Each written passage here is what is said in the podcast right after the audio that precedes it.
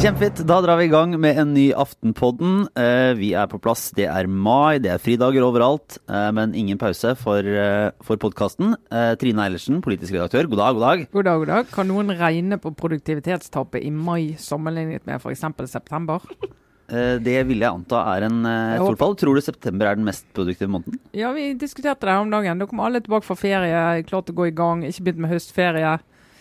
September tror jeg er produktiv. Ja, Og ferdig med sommerfestene, som jo, altså høstfestene, mener jeg. I hvert fall i bokbransjen så er det jo ingen uke uten en eh, fest i august. Mens mai, det, da går hele gjengen på sånn eh, aktiv sykemelding-aktig tilværelse. Ja. Og, altså hjemmekontor. Ja. Og du Sara Sørheim, fast gjest, nyhetsredaktør i NTB. Får du fortsatt, får du fortsatt bokfester nå som du holder på med alle nyheter i hele verden? Åh, ikke Sara. lenger bare kultur? Oi, oi, oi. Dette er nummer to av litt sjokkerende ting som jeg har opplevd denne uka. At det kan hende jeg ikke blir invitert på Askeras hagefest. Kommer jeg på nå? Det, det, det er byttet jobb. Dette er ute av alle e-postlister. og du får bare 'Å, verden gråter' for deg, Sara Sørheim. Her blir det, her blir det litt støttearrangement, Sara. Ja, for det andre jeg fant ut, var jo at eh, Ja, nettopp. Jeg fant ut det. Så fant jeg ut at eh, når et barn slutter i barnehagen, så betyr, betyr det at barna har sluttet i barnehagen. Så at de tre ukene mellom foreldrenes sommerferie og skolestart eh, f.eks. ikke er en periode hvor man kan gå i barnehagen. Sånne ting har jeg funnet ut denne uka. Det, det tro, trodde Sara inntil denne uken. Nettopp, ja. Uh, ok, Men vi må, vi må, move on fra mitt, kata, min, mitt, katastrofale privatliv når det kommer til logistikk og planlegging. Uh, ja. Så, men, vi skal ja. inn i en rekke katastrofale ting. vi skal snakke litt om bompenger. vi skal snakke litt om Theresa May og brexit. Og så på tampen, fordi av alle store ting som har skjedd denne uken, og siden sist, uh, så har det jo vært finalen i Game of Thrones, og det er veldig varierende engasjement for i denne lille gruppa. Så vi tar det, det tar helt, vi konsekvensen av. Ja, så det tar vi helt til slutt, med spoilere, sånn at de som ikke vil høre, kan skru av. og så kan Trine, du kan få lov til å forlate rommet. Ja, tusen takk. Ja. men det er nå så. Er det, har vi noen, det har vært 17. mai, det har vært Grand Prix. Hva, hva sitter vi igjen med? Er det noen ja, altså, store ting vi må ta opp? 17. Ja, altså, mai, 17. mai gikk bra. Ja. Eh, Grand Prix der var, jeg, jeg er ikke kommet over Madonna. Jeg er rett og slett ikke kommet over hvor dårlig det var. Det er det jeg har å si. Nei, det, var en skandale. Vi starta med å se da, da kom det sånn Ja, men det er sprek. Det er faktisk 60 år. Og, og så til slutten så var det sånn Hei, du er 60 år. Eh, hopp over den ja. kanten her. Gå og vær 60 år. Vet du hva, Det var jo helt tragisk. fordi i Grand Prix så har det jo vært litt sånn uh, en del år at uh, pauseshowet, etter at alle disse skrekkelige artistene er ferdig med, å, med sin ting, og når man driver og stemmer, så er det sånn pauseunderholdning. Og det har egentlig vært ofte veldig, veldig bra, mm. faktisk. Og litt sånn verdt å vente på. Eh, og når det ble kjent at Madonna skulle være det i år, eh, så brukte de jo hvert sekund de hadde ledig til å reklamere for det også under liksom, selve sendinga. Og jeg må innrømme at jeg var ganske sånn Jeg hadde så høy forventning. Ja, jeg gleda meg skikkelig. Jeg tenkte sånn yes. Og hun var jo min barndoms store, store, store helt. Altså, det er den største artisten. Hun er jo et ikon, Madonna. Jeg likte best han uh, artisten som skulle synge med henne, var sånn Ja, moren min vokste opp med Madonna. Ja. oi, oi, oi, oi, oi. Og så er det grusomt. Ja, men det er 30 år siden Like a Prayer også, som jo kanskje er hennes største utgivelse. Og det skulle hun markere med å synge den sangen. Det gikk helt kaldt. Oi, oi, oi. Så for denne uken her har virkelig stått i sånn dronningfallets uh, tegn, uh, av flere grunner, som vi kommer tilbake til. Uh, men akkurat den derre opplevelsen når hun begynner å gå ned trappa, Madonna, og begynner å synge, tenker sånn Hva, dette høres veldig rart ut. Og så, og så begynner man å innse sånn Hun kan ikke synge. Var det altså, sureste siden Stig van Eik hadde ja. problemer med er det, det er fortsatt bittert for bergensere, ikke Nei, altså det vi tenker på da, det var Grand Prix i Bergen 1986. Sissel Kyrkjebø i Bergens bunad sto og sang 'Vestland, Vestland'. Kan det bli bedre? Nå merker jeg at dette, dette må vi bare bevege oss eh, kjapt bort fra. Men helt sånn, er, det, er det bitre på Norges vegne? Eh, folk i, folk i Europa ville ha Nei, jeg heiet på Sverige. Gjorde det? Ja. Vet du hva, Jeg heiet ikke på noen. Det, det er helt Det er du, samme for meg. Du hever du jo helt over det. Ja. Altså, Sara er okay. så anywhere og globalist at, er vi, eh, Akkurat på dette er vi ulike, Sara. Ja, nei, men altså, jeg, har, jeg, har, ingen følelser for dette. Nei. Jeg har masse følelser for Madonna, og ingen følelser for men, det andre som skjedde. Men når du først ser på det Det er det som er sjukt. Ja. Men eh, vi går eh, inn i eh, store omveltninger i Norge også, fordi vi har jo snakket så vidt om det tidligere uker. Men det gryende bompengeoppgjøret, det drives jo fram av av av lista i Bergen.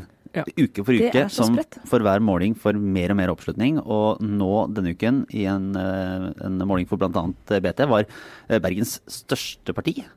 Ja, over 25% Større enn Arbeiderpartiet og Høyre er det blitt. Og og BT hadde en liten oversikt over hvem som stemmer på dette partiet. De tar jo velgere for alle partier unntatt Rødt. Eh, de tar kvinner, de tar høyt utdannede, de tar uh, høy inntekt, lav inntekt. De skraper rundt overalt. Folk er sur på bompenger, og de stemmer også på et parti som de ikke nesten vet hva, hva står for, utover akkurat det. Det er signal. Det er jo helt uh, Altså, det er så vilt og bekymringsfullt, vil jeg si. Og også veldig rart. Og veldig god artikkel i, i, i BT, den gjennomgangen av hvem som faktisk sier at de skal stemme på dem. Det er overraskende mange kvinner. Det må jeg bare si. Altså, Åssen var det? Hver sjette kvinne i Bergen? Ja. Mm. Jeg, jeg mener at det vitner om, eh, om, eh, at likestillingen er kommet uh, langt. langt. Det betyr at kvinner uh, kjører bil, de betaler for bensin. De uh, sitter og sysler med alle de der samme irritasjonene jo, men... når det gjelder sånne ting som menn. Uh, og det er nettopp fordi at dette er ikke en helt sånn klassisk sånn høyre-venstre-akse. Myke verdier, harde verdier, privat, offentlig. Altså Det er ikke en sånn akse i det hele tatt. Det er rett og slett en hel haug med folk som er sur, dritforbanna fordi de har fått få økninger i bompengeutgiftene sine. Da, et spørsmål her er da, er dette er det Tror vi på de tallene? Altså er, det, er det, en, en øyeblikksmarkering av et sånn sinne dette må andre politikere gjøre noe med, og når valget kommer, så eh, går vi jo tross alt tilbake til, til andre partier? Eller er det eh, sånn at eh, det i Bergen i hvert fall oppfattes som at her skal vi faktisk stemme på et parti og vil ha dem inn og, og skal få de til å gjøre noe? Du, du, kan ikke vite det, da. Helt sikkert før valgdagen mm. kommer. Uh, men mange av de som sier dette, sier jo det for å gi det partiet de vanligvis stemmer på, et spark bak. Og sier si at nå, nå, må dere komme med noe. Nå må dere agere på det her. Reagere på det her, heter det. Uh, så et, altså, men nå kan jo hende sige enda høyere opp. Det har jo økt voldsomt uke for uke for uke. Så akkurat nå er det 25 Hvis det liksom begynner å bikke 30 Mm. Da er det jo en del av de som de sikkert får beholde på valgdagen. Så da begynner det å bli jordskjelv, liksom en metafor vi skal være forsiktige med å bruke i politikken. Men da, da, er det godt innenfor.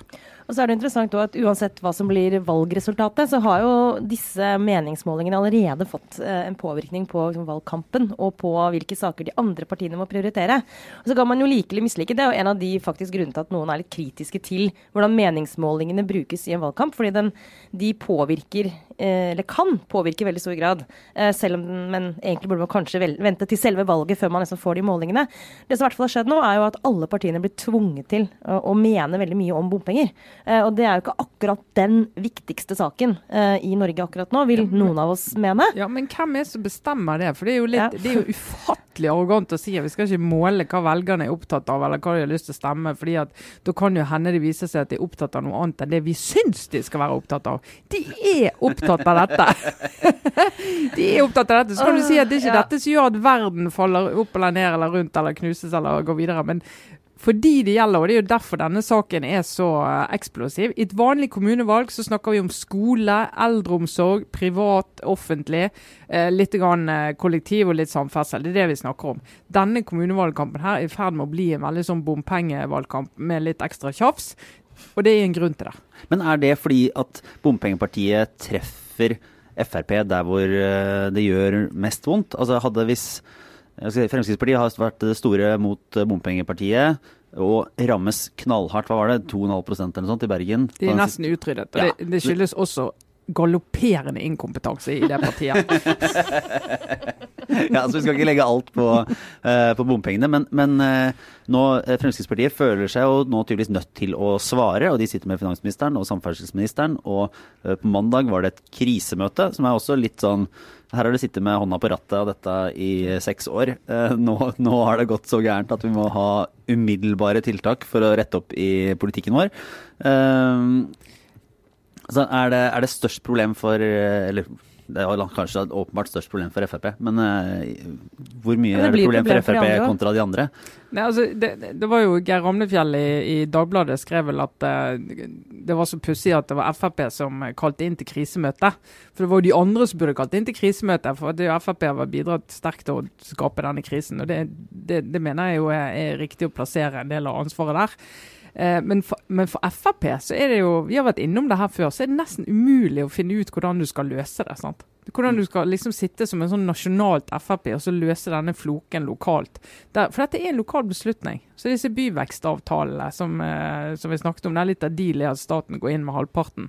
Og så skal de løse resten lokalt. Og det har de løst med bompenger alle steder. da. Selvfølgelig, for hvis ikke går det ikke opp. Og så skal de si at eh, nei, vi skal øke den statlige andelen. Det kommer ikke de gjøre. De kan ikke gjøre det. Men vet vi helt sikkert hvor altså Er det sånn at bompengepartiene i de ulike kommunene alle vil ende på borgerlig side? Eh, sånn, altså, hva vet vi om dem sånn ellers? Altså, jeg har bare tatt for gitt at de, hvis de kommer i, i en eller annen flertallskonstellasjon, vil støtte liksom, høyresiden. Er det helt er, de, er, det helt åpenbart, eller er det sånn MDG-situasjon hvor de kan finne på å bevege seg til alle kanter? Jeg, jeg tror vel de fleste vil analysere dem inn på en det er vel en overvekt av folk som kommer med fortid i tilknytta Frp, eller liksom den siden. Så det Altså Velgerne er nok sammensatt gruppe, men de som står på listen, mm. så tror du vil finne at mange av de kommer fra uh, Frp-siden, altså høyresiden. Men Klassekampen hadde en god sak i dag, torsdag, som uh, tok for seg listetoppene. Uh, og der var det ble spurt om ja, tidligere partibakgrunn. Eh, som var veldig variert. Det var, eh, var kanskje en liten overvekt fra Frp. Men også det var til og med en MDG-er som uh... Ja, mulig det var i hvert fall en fra Venstre. og, og litt, ja, litt det er spesielt. Og så så du på listen over saker som var sånn nummer to-sak, og der hadde de tydeligvis ikke snakka sammen. uh, og det, det, For det var, det var virkelig Det var litt av hvert? Ja, altså, det, det var litt av hvert, men det var jo som en ja, som normal norsk lokalpolitikk. Da. Noen var opptatt av eldreomsorg, og noen var opptatt av eiendomsskatt, og noen var opptatt av uh, ungdomsklubber og Eh, det, måte, miljø og plastsøppel. Og det var jo hele spekteret. Men eh, de ga, det var ikke noe ensarta sånn svar på at ok, eh, for det første så er det bompenger, for det andre så altså, De har ikke en sånn trepunktsliste på, på ting de ville Men de har jo ikke akkurat, samkjørt. Men de, har jo ikke akkurat hatt landsmøte. Eh, nei, nei. Så det er jo foreløpig en, eh, bare en, en samling folk som har, har samlet om denne saken. Men det var det egentlig det jeg lurte litt på også. For er det, i hvilken grad er det positivt at det kommer sånne bevegelser opp eh, på én sak som løfter opp noe og tvinger eh, andre partier til å, til å, ta stilling? Og i hvilken grad er det på en måte synd fordi at eh, det av en eller annen grunn skulle være bedre å få dette løfta i partiene, fordi de kan se helheter eller har større perspektiver? Jeg tror, jeg tror mange av oss kan si sånn at det er jo best at det blir løftet i det etablerte partisystemet, og der liksom har landsmøter da, der du vet hva de står for på andre saker, og at liksom partiene greier å håndtere den uh, uroen når den kommer. Men det klarer de ikke. og Da tenker jeg at vi skal være glad for at den type aksjoner eh, ender i et politisk parti og opererer innenfor det etablerte systemet, og ikke bare går rundt i gule vester og tenner på bomstasjoner og velter traktorer, som vi har sett i andre land. sant? Mm. Nå har sånn de drevet ned i, ned i Rogaland. De har drevet med litt av hvert. og, og vandalisere. Ja, men at de bare, sånn at de har jo tatt mm. steget fra det til å si at nei, men vi skal inn på den arenaen der beslutningene tas. Og så vil de jo oppleve så mange ensakspartier at når du kommer ut i perioden og kanskje den saken på en eller annen måte er løst eller parkert, eller du ikke kommer lenger, Eh, så begynner folk å melde seg ut av partiet, og det er masse uenighet. For de er jo ikke enige om sak nummer to eller tre, og så blir de uavhengige representanter i kommunestyret, og så neste gang så er det over. For, det, for én sak er jo ikke nok til at et parti kan leve i veldig, veldig mange år. Men så er det også litt sånn hvilken sak. Jeg kjenner jo at jeg i utgangspunktet er liksom skeptisk til at du får sånn ensakspartier, som, for da får du for mye, altså du får overvekt da, ikke sant, på den ene slagside. Men så er det litt sånn, ja, men noen ganger så er det kanskje helt nødvendig, da. Så er det en sak hvor, hvor politikerne har en blindsone, en kjempeviktig sak som ingen løfter, og så må man ta tak. Å, kommer dere på en sånn sak? Ja, faktisk. Klimakatastrofen. Det er en sånn sak som jeg ville forsvart hvis fikk et sånt vanvittig oppsving hvor det ble sånn ensaksparti. MDG? jo, men i enda større grad. Altså kampanje, da. Ja. Som bare var sånn nå, nå, er det bare dette som gjelder. MDG er jo et, er jo et sånt uh, ja. er jo et parti som er altså, de, Men det er jo et parti som sier og bli utfordret på det. Når de begynte å bli store nok, så sier jeg ja, dere er opptatt av klima, men, men hva mer?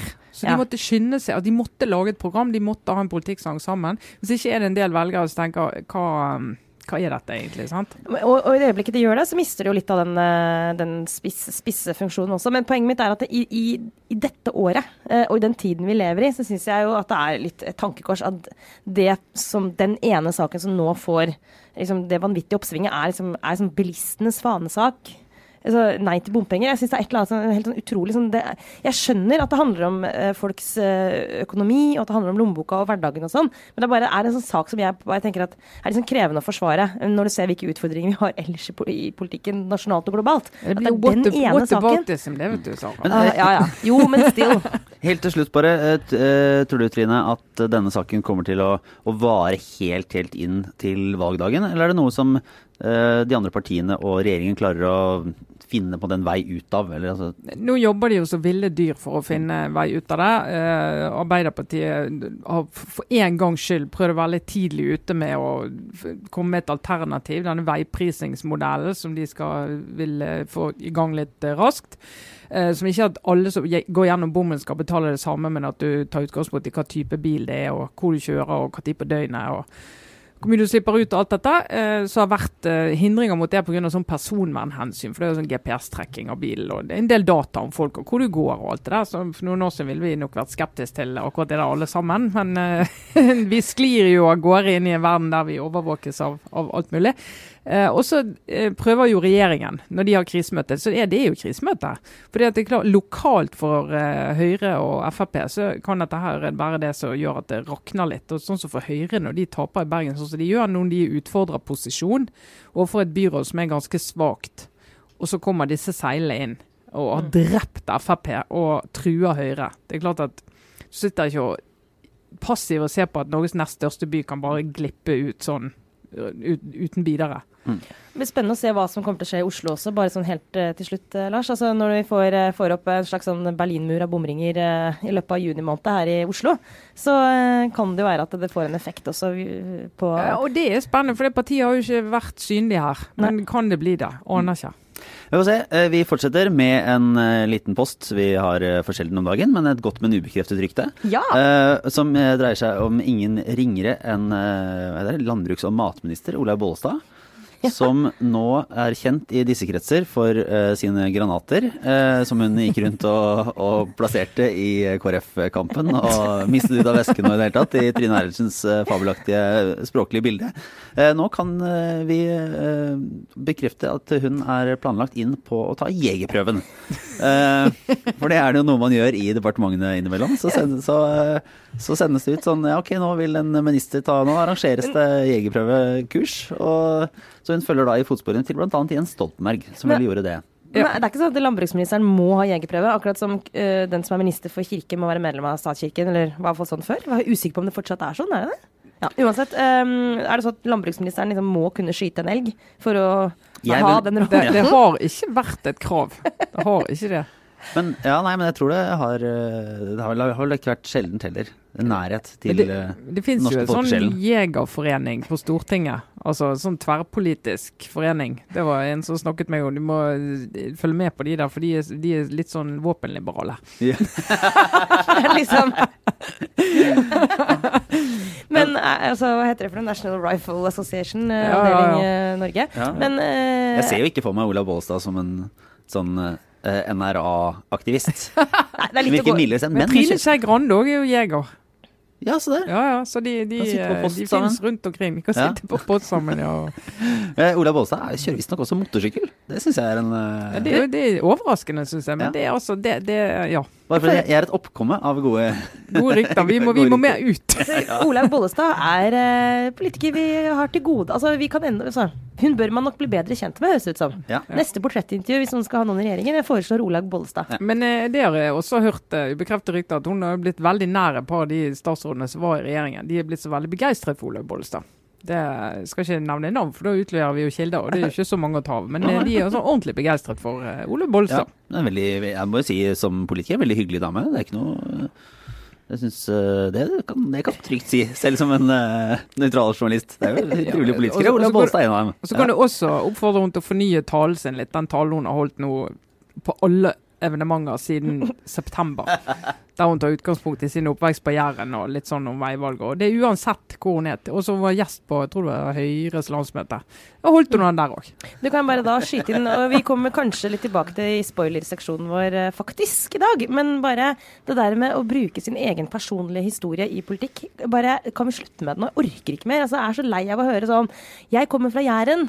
Og så, ja vel, kom fra hvor du vil. Bare hva slags politikk er det du lager?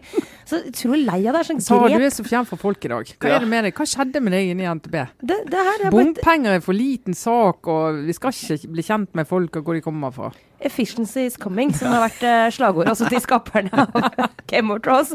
Bare, eh, jeg tror rett og slett at jeg er i en liten fase nå, Trine, fordi mai, med alle fridagene, som er sånn der sløs av tid, så tror jeg jeg har kommet over i en sånn Nå må vi bare konse på det som Men virkelig Sara, når du har bytta jobb, da er det ofte sånn at eh, man eh, prøver å få nye rutiner og nye, nye ting. For å fjerne meg Eh, helt fra folk Ja, flest. ja. ja. Og så Sara har fortalt her at hun har, hun har blitt bedre da, til, å, til å ikke stoppe å snakke med alle.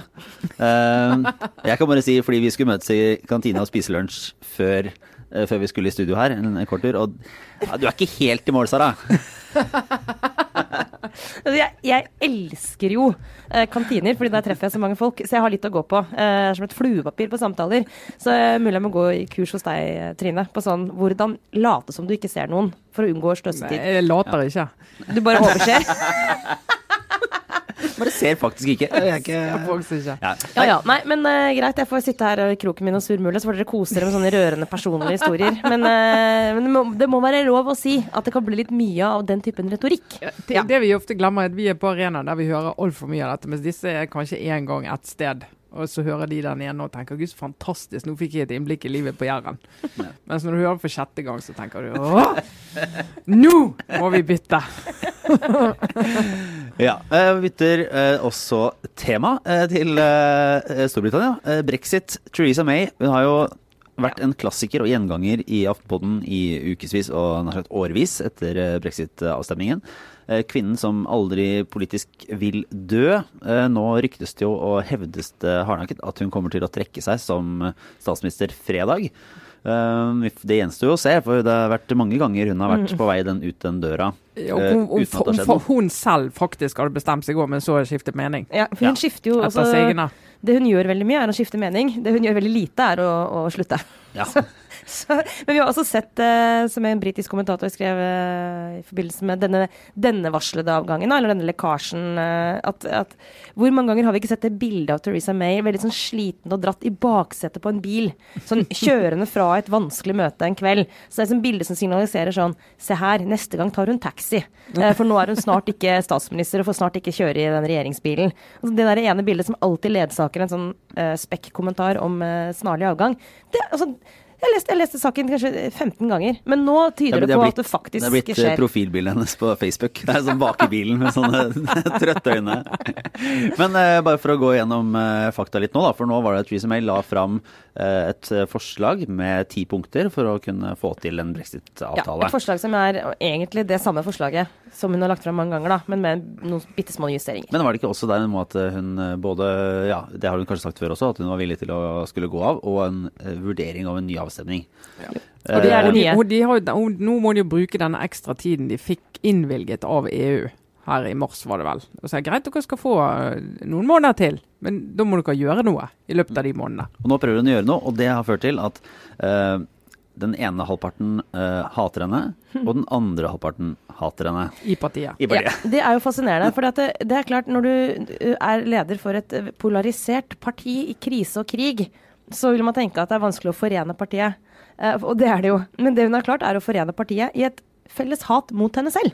Altså, hun har faktisk klart å ikke liksom komme noen av disse grupperingene i sitt eget parti i møte. Så både de som er for en hard brexit, de som er for en soft brexit, de som opprinnelig var på remain-siden, og de som opprinnelig var på leave-siden, altså alle disse ulike fraksjonene, og det begynner å bli veldig mange, de er egentlig bare enige om én ting, og det er at Theresa May ikke kan være leder.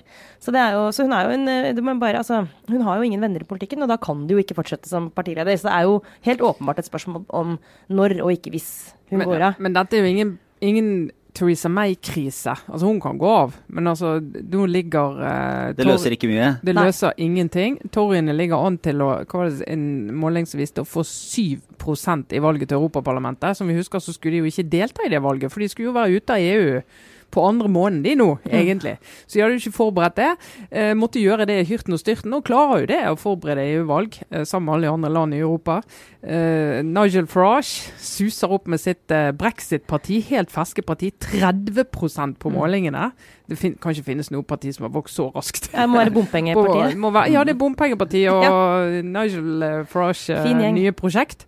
Eh, og der er torgene. Og det som er eh, praten i Storbritannia nå, er jo at det store partiet, og det gjelder egentlig Labour, både Labour og de konservative, de to store partiene klarer ikke å gi velgerne et svar på den saken som er viktigst for velgerne.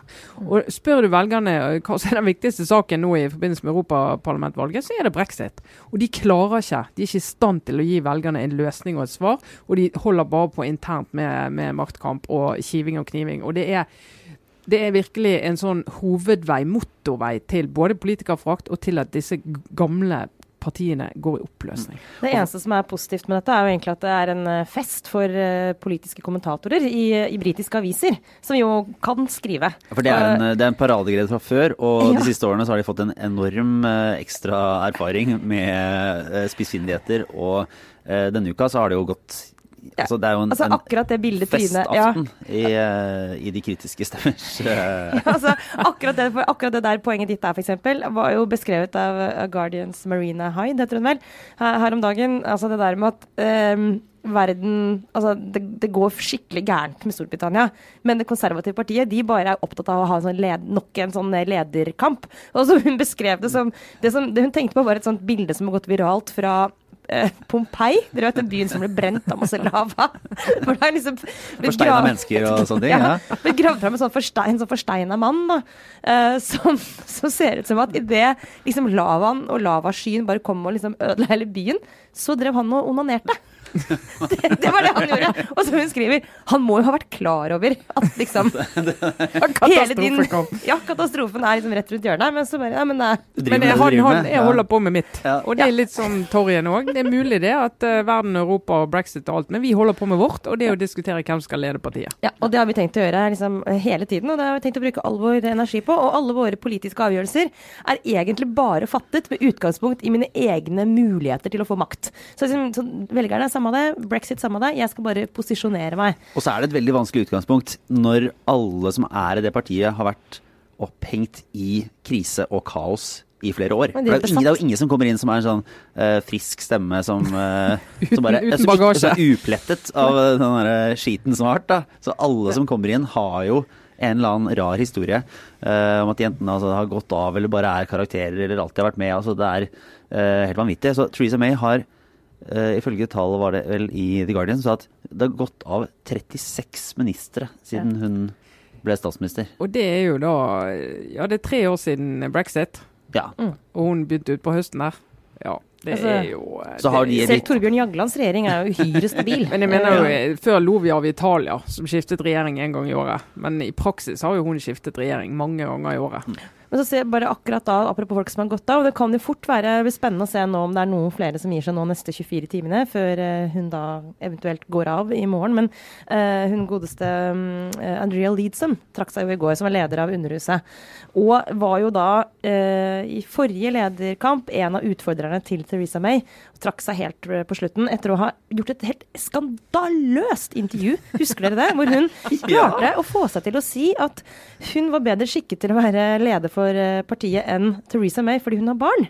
Og det gjør at hun vil være mer opptatt av, av framtiden.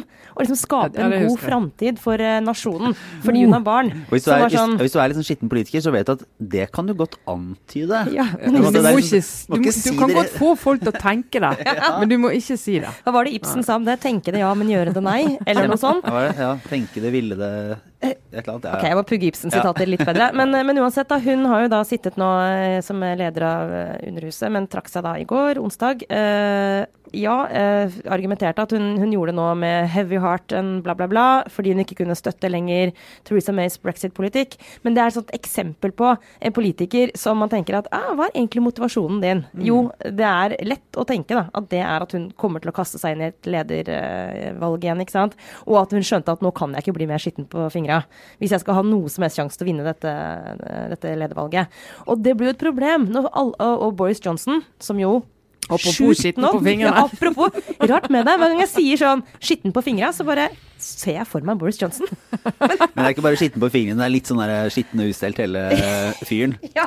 I, I sånn men joggebukse og Men, men det må, altså det er jo, vi må rett og slett anbefale folk. Det er en sånn hovedanbefaling å gå inn. Vi skal legge ut noen av de kommentarene på Facebook-siden vår. Men gå inn og boltre seg litt i disse kommentatorene. For det er jo en del kommentatorer som egentlig handler om, om kommentarene, og som handler om Boris Johnson, som er en helt hvem skulle trodd en helt åpenbar kandidat til å overta uh, torgene? Og det er Tenk, tenk at vi skal leve i den tiden der USA styres av Donald Trump og UK av Boris Johnson. Nei, kanskje. Okay. Kanskje.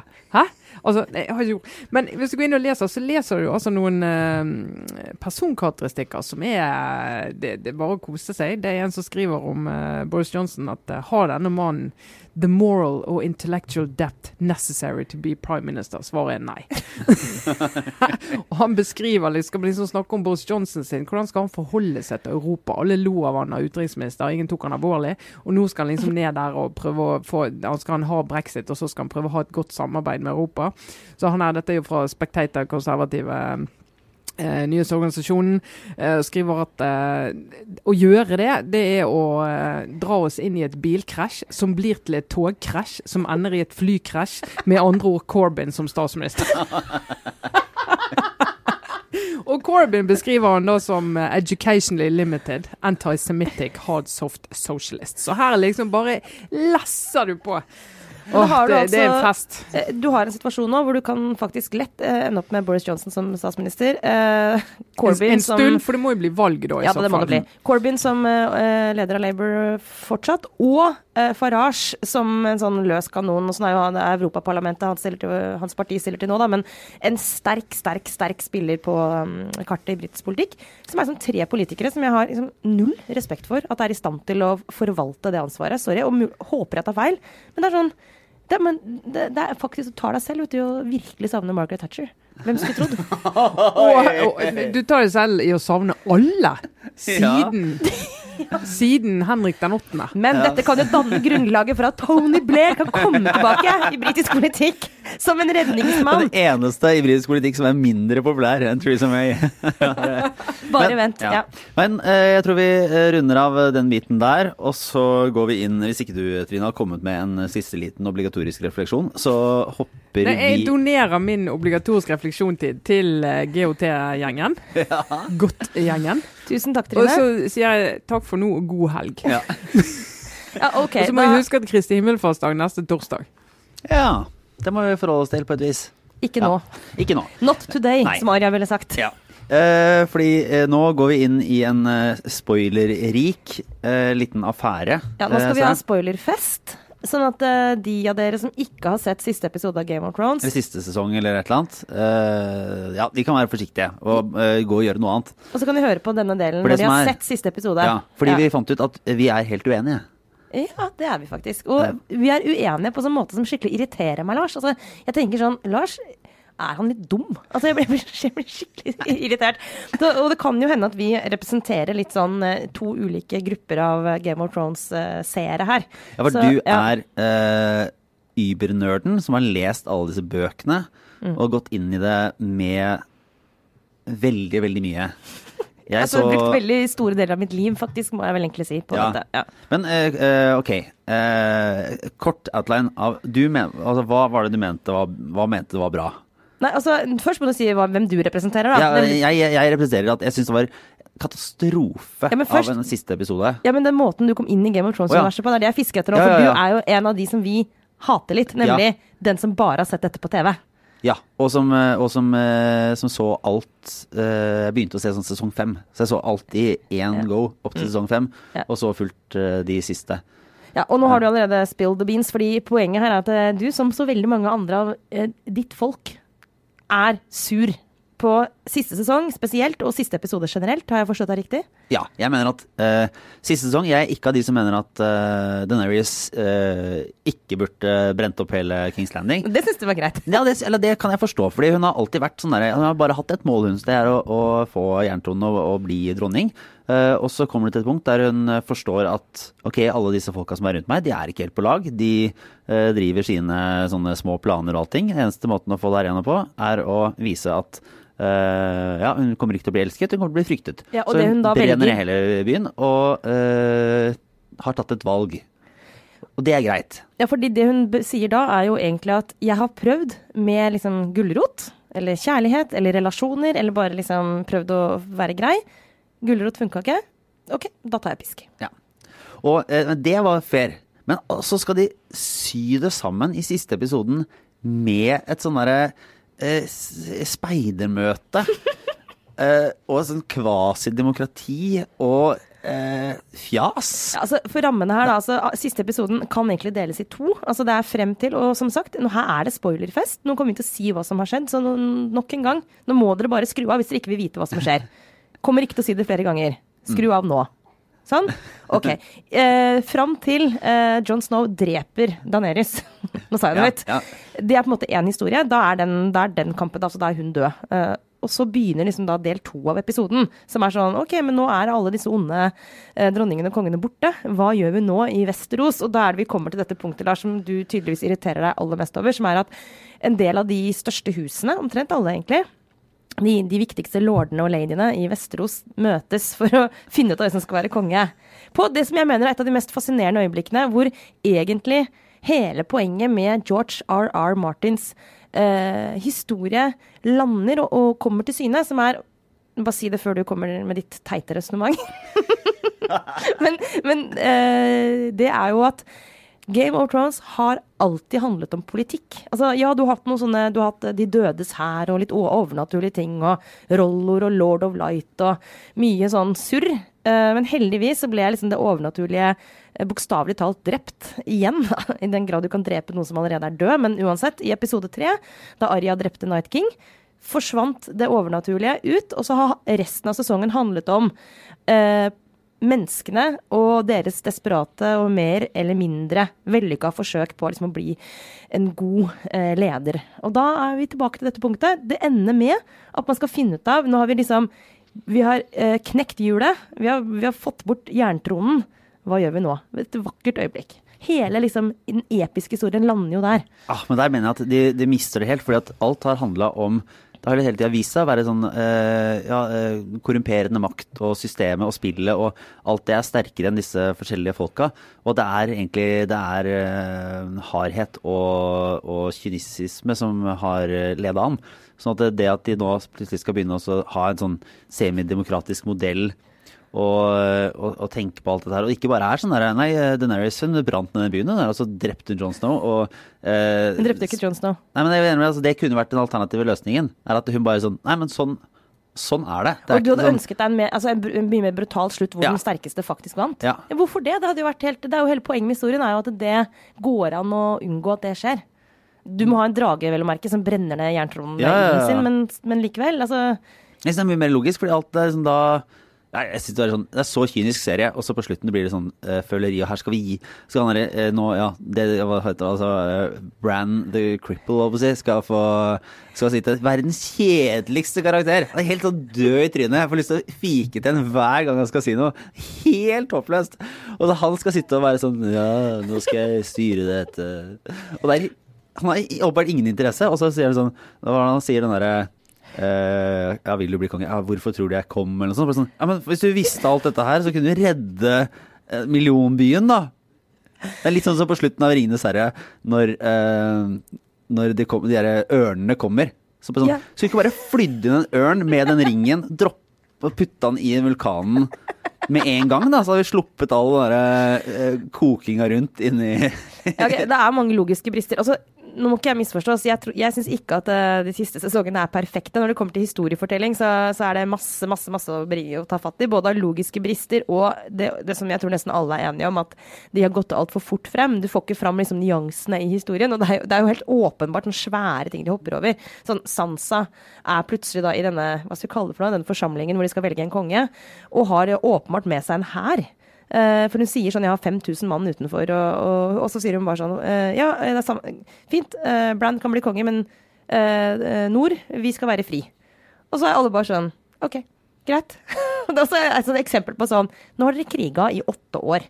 Og så kan hun plutselig bare si sånn 'forresten, vi vil ikke være med, vi'. Å nei, fint. Altså én sånn tale av han som, eh, som får alle andre til å bare sånn Ja, ok. Ja, nei, men da skal, jeg, da, skal vi være, da skal vi være snille og enige, og alt er over. Her har vi holdt på i, ja, i hundrevis og kriga har slått på. Ja, men og vi, kan, vi nevnte jo så vidt eh, Tyrions tale, så vi kan jo si litt om det til slutt. Men bare før det der med Bran, nemlig. Det er her også, og jeg vet at det her jeg føler Ikke kom draende med boka Jo, nå! men det må man gjøre. Og jeg vet at det er veldig sånn smøgg ting å gjøre, å komme drassende med boka, men, men det er liksom eh, sorry, ass. Det er litt fjernt å like den serien så godt, og så ikke ha lest bøkene. For hvis du liker den så godt, så gå til kilden. Og der er det sånn at Bran sin historie, ja, den tar noen rare eh, avstikkere, også i bøkene, men, men han har jo en helt utrolig sentral eh, rolle som da denne eh, Tree-Aid eh, Raven. Eh, og hele denne greia han, med at han kan varge, vet du, inn i alle skapninger. Eh, det, og at alt han opplever etter at han har blitt lam, foregår egentlig inni hans hode. Når han liksom er inni hodet til andre mennesker igjen. Jeg skjønner at det er veldig vanskelig å fremstille på film. Altså, det er egentlig helt umulig å fremstille på film. Derfor blir han så flat i, i serien. Men, men han er jo en veldig sentral karakter. Men Så- kunne ikke bare droppe han helt fra TV-serien? Nei, men han skulle bli konge. Og det også er jo viktig. Jo, men du, poenget er at det virker på meg som om serieskaperne Altså, de, det var jo et møte hvor de hadde eh, satt sammen med George R.R. Martin, forfatteren, i timevis, og han ga dem hele plottet. Han sa 'vi skal hit'. Eh, og det kan virke som om de f.eks. ikke var helt klar over da de begynte. Altså, by the way, eh, Brand skal bli kongen. Så bare, ok! Ja. Men så har, de ikke, så har de ikke tenkt på ok, men det driter vi i, det forholder vi oss ikke til før de siste fem minuttene Ja. av hele greia. Ja. Så er sånn, ja ok, du kan, du kan si det George RR, eh, men vi skal lage TV-serien vår. Og så kommer de på slutten bare sånn, ja men vi har, vi har faktisk, det står i kontrakten at du, vi må ende med noen kjedelige brands som konge. Ja, og det store kanskje Hvis vi skal virkelig gå inn i sånn og se på, på måte, hvor, hvor jeg er enig med deg altså, Jeg, jeg, jeg syns serien endte der den skulle. Altså, jeg syns alle historiene landa riktig. Altså, alle karakterene liksom, havna der de burde havne. Jeg er veldig glad for at ikke f.eks. John eller Daenerys satt på tronen. Eh, det ville vært helt, eh, mener jeg, helt sånn feil. Altså, den levde opp til sin egen eh, identitet, med en sånn bittersweet eh, ending. Men, men det er et eller annet med historiefortellingen som jo har vært veldig svak, i hvert fall denne sesongen, og, og egentlig Egentlig helt siden de passerte bøkene, og det er jo det, for å si det veldig forenkla. Jeg kan legge ut en artikkel på Facebook-siden vår som går inn i dette her i detalj. Men, men du kan si at de har gått fra å være liksom, eh, handlingsdrevet til å bli karakterdrevet i sin fortelling. Altså at veldig mye de siste sesongene har basert seg på hva de enkelte karakterene føler og tenker og opplever. Og da blir en historie som egentlig handlet om systemet, sant? Handlet egentlig om, om, om maktkamp. Når det skal handle om enkeltmennesker, så blir det litt eh, Det blir, ikke, det blir ikke like bra, og du blir mye mer avhengig av at nettopp karaktertegningene må, må være bedre enn det de har vært. da. Sånn som når Daenerys f.eks. plutselig klikker så er det veldig mange av de som bare har sett TV-serien, som liksom ikke skjønte at det kom til å skje, og som ble helt sjokkert. Og alle de som har kalt barna sine Kalesi, sant. For meg. Ja. Men nå snakket jeg meg litt bort, Jo, nei, men det, men det, det er jeg jo enig i og ser, fordi at uh, i starten av sesongen så var det den derre uh, bingoen på hvem som skulle dø. Ikke sant? Ja. Og da var det nesten ingen som døde. Nei, Alle, kanskje, de, ja. alle de sentrale personene fra altså det, var ingen sånn derre «Hå! Oi, det her var fryktelig fælt, eller veldig, veldig overraskende, eller Ja, eh, særlig slaget, Ille. det der slaget mot uh, de dødes hær. Ja. Det var, veng- vel- var veldig, veldig få som døde. Men ikke sant, da Ned Stark ble halshugget i sesong én, siste episode, som jo var det første store sjokket, så trodde man jo at han var hovedpersonen i denne fortellingen. For det var han i sesong én. Men det gikk bra, nettopp fordi, som jeg var inne på i stad, at uh, den historien var ikke avhengig av et enkeltmenneske for å bli fortalt. Det var, det, var, et sånn sosiologisk eller samfunnsmessig utgangspunkt. Altså, historien ble fortalt ikke gjennom enkeltpersoner, men gjennom liksom, det systemet de var en del av. Så at når du, du kunne ta ut én person, men historien, sagaen, skred liksom videre frem. Og det samme ble gjentatt uh, da eh, Rob Stark, altså arvingen til Ned Stark, ble drept i den berømmelige Red Wedding-scenen. Eh, så var det likevel ikke sånn at historien stoppet opp. Den fortsatte, kom nye karakterer til. Men de to siste sesongene, og særlig nå den siste sesongen, så har historieskaperne liksom, gjort seg så avhengig av enkeltpersoner at, at, du kunne egentlig ikke ta ut f.eks. John eller Daenerys av historien på samme måte som du kunne før. da. For det, de var hele reisverket. Og det har vært et kjempeproblem. Og så har det også endt opp med noen karakterer, sånn som Brienne uh, av Tart, som nå egentlig bare ble helt sånn Hvorfor hadde vi henne her, egentlig? Uh, dumme, dumme kjærlighetshistorien med henne og Jamie. Fy Nei, nå holdt jeg på å banne her. Det er så irriterende. Det er bare sånn typisk sånn TV-seriedrama som jeg mener er helt irrelevant for den dypt, dypt fascinerende historien om, uh, om tronekampen. Ja. ja. Ah, Nei, men, uh, godt, å få snakka litt om dette. Ja, ja, ja fint også, å påføre det til sånn tusener andre mennesker. Det er, veldig, det er, veldig, fint å ha en liten arena til å snakke om sånne ting som man egentlig bryr seg om hjemme i stua. Ja. Uh, et... Men vi kan koble det opp mot, uh, mot uh, de tingene vi egentlig snakker om i denne poden, skjønner du. Helt til slutt. Ja. For det er den talen til Tyrion det er nemlig Jeg er spent, jeg nå. Jo, men altså i, Det er Tyrion som jo får rollen som kingmaker. Eh, det er han som peker på Bran ikke sant, og sier at det må bli deg. Så holder han en tale som er tydeligvis ment å skulle være veldig gripende. Altså, Tyrion har en veldig, egentlig gjør en veldig god, altså, god figur i det siste episode. Og jeg har veldig sansen for han eh, Peter eh, Er det Dink ja, ja. som skuespilleren også. Men, men, den talen er ment å skulle være veldig sånn rørende og gripende, og den irriterte meg. Altså, den rørte meg ikke i det hele tatt. Tvert imot. For hans poeng der er det med historier. At eh, når man skal velge en konge, så må man velge den med den beste historien. Og da ble jeg sånn Punkt én. Eh, nei. Hæ? Hva? Nei. Hvorfor det? Hva har det med saken å gjøre? Altså, kan vi ikke heller velge noen med de beste egenskapene til å være hersker? Uh, og det andre poenget er jo sånn ok, Hvis du først aksepterer det premisset om historien Så var det ganske mange andre der som har en vel så god historie. Ja. Sånn, ja som har vært død, ble vekket opp igjen, uh, drept, uh, leda kampen mot The Night King og hvis man ser det som en god ting, tok livet av den onde dronninga som massakrerte en hel by. Ja. Kanskje vi bare ikke skal slenge den opp i nord, men bare si at OK, Grey Worm. eat shit. Her, dette gjør vi. John, han blir sjef, liksom. Ja. Men det her lurer jeg på om eh, Det er mulig det er en søkt uh, analogi, men jeg føler at uh, Tyrions tale er litt sånn det, den, den, er dessverre litt sånn um, talende for også hvordan man ofte liksom leter etter f.eks. gode lederkandidater i partier. Altså i ekte politikk, i det ekte liv, så har det blitt mye viktigere liksom, hvem folk, eh, altså hvilken historie folk har. Og det måtte, måtte ha en, sånn som Jonas Gahr Støre som sliter med at han har feil historie eh, til å være Arbeiderpartileder, f.eks. Det er egentlig helt, det, det er veldig irriterende og en, en, dårlig ting med politikken. At du snakker for mye om personlige historier og for lite om realpolitikk. Så mulig at vi klarte i hvert fall forsøksvis å lage en liten bro der mellom Game of Thrones og norsk politikk. Eller mindre sydd sammen. Ja. ja. Uh, nei, jeg tror vi runder av med det, og så får vi finne ut uh, neste uke hvordan vi gjør det med helligdager og andre ting. Kommer som vanlig ekstremt brått på disse helligdagene i mai. Ja, fordi vi er arbeidsomme maur som uh, ikke lar oss hindre av verken fridager eller menneskelige historier. Kverna og hjulet går videre i nyhetsredaksjonene i Aftenposten og NTB.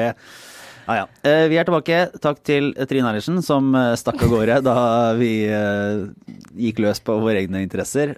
Takk, Sara. Jeg er Lars Lomnes. Ha det bra.